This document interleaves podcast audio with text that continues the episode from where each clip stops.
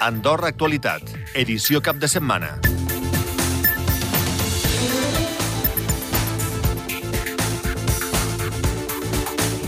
Bona tarda, comencem aquesta edició de l'Andorra Actualitat de cap de setmana, una versió més reduïda, reduïda per veure l'última hora informativa.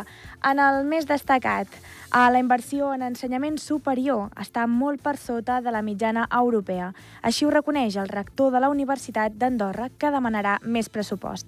L'objectiu, ser atractius per acollir més alumnes. I ara sí, anem a entrar una mica més en profunditat a tota aquesta informació.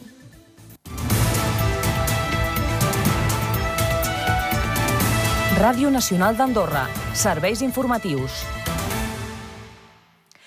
La Universitat d'Andorra demanarà al govern un 50% més de pressupost per ser atractius i acollir més alumnes de fora. I és que actualment la inversió en ensenyament superior està molt per sota de la mitjana europea. Els països referents destinen uns 7.500 euros per estudiant, mentre que Andorra uns 3.500. Ho explica el rector de la Universitat d'Andorra, Miquel Nicolau els objectius perquè ens sentim també amb seguretat des de la universitat. És dir, escolta, ha aquest objectiu, per tant, podem saber que mancances que tenim ara les podem resoldre si arribem a aquest objectiu. Per exemple, anar a aquest 1% proporcionat podria ser un objectiu. O anar a la mitjana europea d'inversió per estudiant, que també estem, estem encara una mica baix. També volen acollir més estudiants forans i és que a hores d'ara un 40% de les matrícules són estrangeres. Però per Nicolau l'objectiu està en arribar a la meitat. L'acord d'associació també diuen que pot ajudar a aconseguir-ho. Que hi hagi un 50% d'estudiants nacionals i un 50% d'estudiants de fora. I què ens podrà ens permetre això? Segurament tenir més titulacions, perquè es fan sostenibles, es justifiquen i, a més a més, ens costen menys perquè també hi ha una part que aporten els de fora. Eh?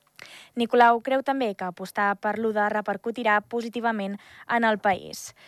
Per altra banda, Lourdes Alonso defensa la humanitat i la feina feta fins avui per part dels tres SAIGs que estan en actiu. Així han dit que ajudava a descol·lapsar la batlia i que la prova és que cada cop se'ls ha donat més funcions. Defensa que mai s'ha perdut la proporcionalitat. Fem la tasca eh, de la millor manera, salvaguardant tots els drets i garanties de la gent, eh, i penso que més enllà del que marca la llei mai s'ha traspassat per part de cap dels SAIG.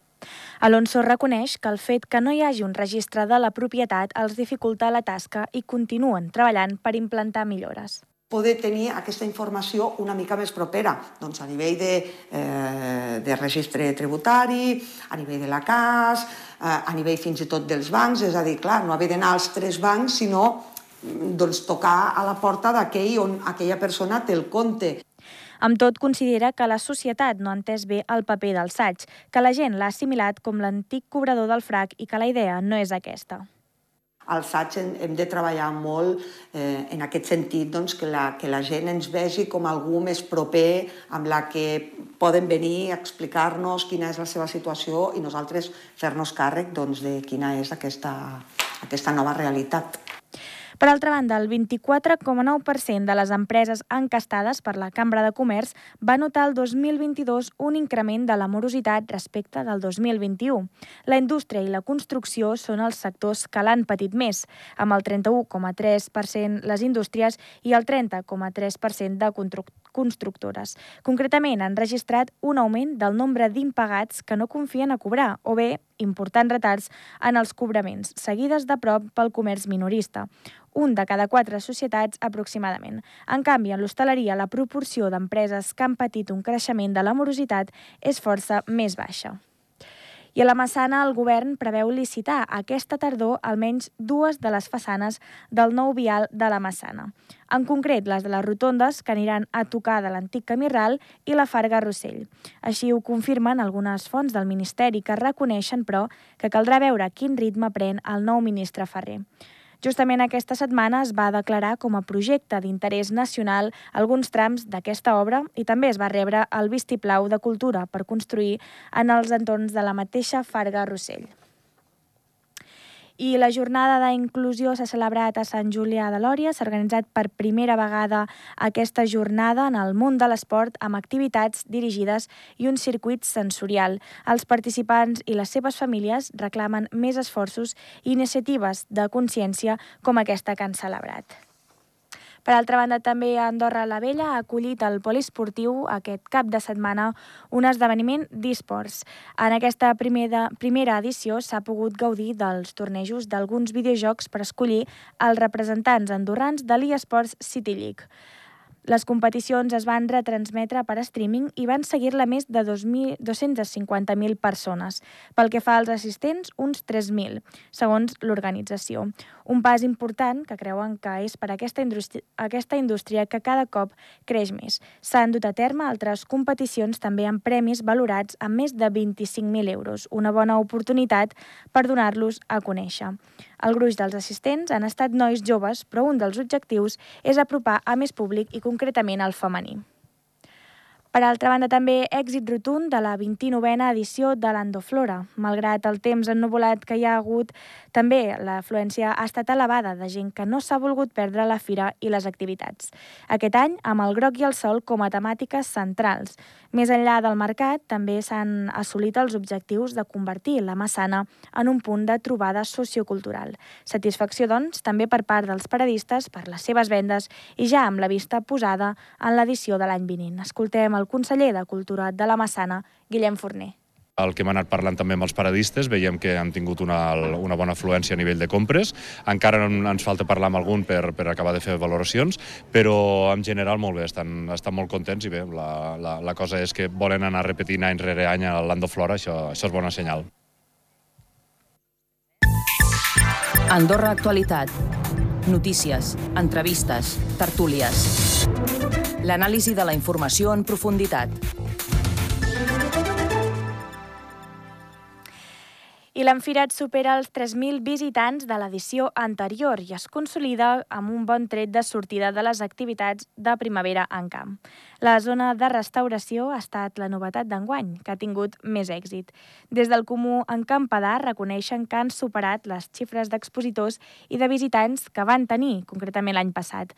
Veuen l'Enfirat com l'esdeveniment ideal per visualitzar el teixit empresarial, social i cultural de la parròquia encampadana. A més a més, també diuen que és una bona acció de reactivació econòmica. Escoltem el conseller de Turisme i Reactivació Econòmica, Ninot Marot. Eh, per aquesta segona edició de l'Enfilat en fem una valoració molt més que positiva, ja que hem superat a més creix els 3.000 visitants de la primera edició l'any passat i a més a més tenim una molt bona satisfacció per part dels expositors, per part de totes les entitats que han participat en aquesta trentena d'activitats i com que el temps ens està respectant, doncs hem tingut una molt bona afluència de visitants i els saxofonistes de Salamanca Quartet han guanyat el cinquè concurs internacional de la Cambra Romànica. El primer premi de la categoria avançada consta de 3.000 euros i dos concerts. A la categoria base ha estat un premi per al quartet Quatre Estacions de Granollers i el duet amb flauta i violí de la Cerdanya francesa. Pel que fa a la nova categoria, la, la de Piccolo, que estava destinada als menors de 14, de 14 anys, s'ha l'endut el quartet 16 cordes i els andorrans duet Marfany. L'organització destaca les nombroses inscripcions d'aquesta cinquena edició i esperen continuar creixent. I ara anem a veure quina és aquella actualitat esportiva. Connectem directament amb Àngel Romero, que està en el partit del, del Futbol Club Andorra contra el Leganés, que, eh, si no vaig errada, estan ara mateix empatats 1 a 1. Joel?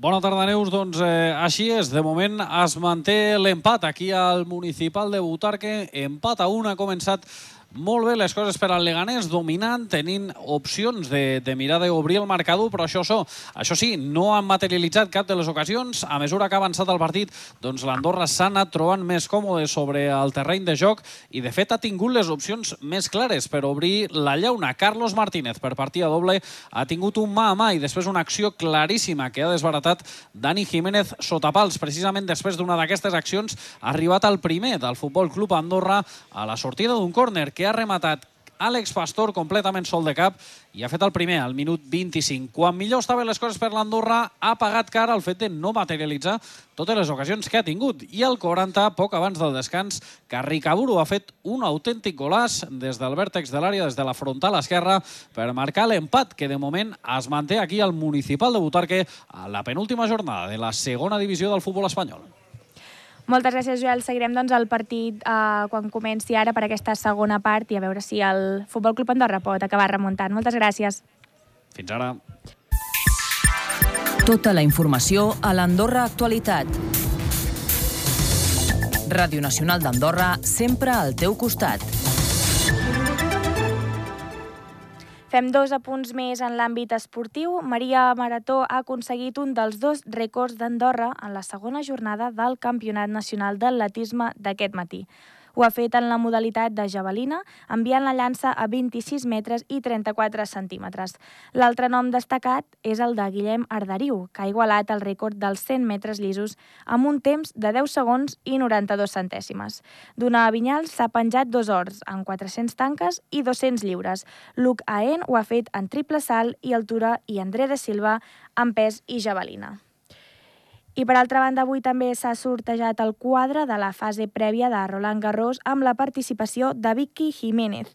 La tenista andorrana es veurà a les cares en primera ronda amb l'australiana Jane Forlis a 150 del món. La competició comença demà i si se supera la ronda preliminar participaria per primera vegada en el quadre principal, un gran slam. Si no ho aconsegueix, tindrà com a premi de consolació participar en els Jocs dels Petits Estats. Andorra Actualitat, al 94.2 de l'FM. I ara anem a veure quina és la previsió meteorològica per les pròximes hores. Sergi Càrceles. Comencem la setmana amb un dilluns encara ennuvolat, rúfol i amb alguns ruixats que apareixeran a partir del migdia i de la tarda. Avui les temperatures seguiran sent fresques i les màximes no superaran els 15-16 graus. De moment sembla que aquesta dinàmica seguirà també els pròxims dies. Encara que al matí podem tenir més sol, a la tarda seguiran havent pluges. Això és tot de moment i ara recordin que tenen la segona part del partit del Futbol Club Andorra. Que vagi molt bé. Connecta amb la informació. Connecta amb la Nacional.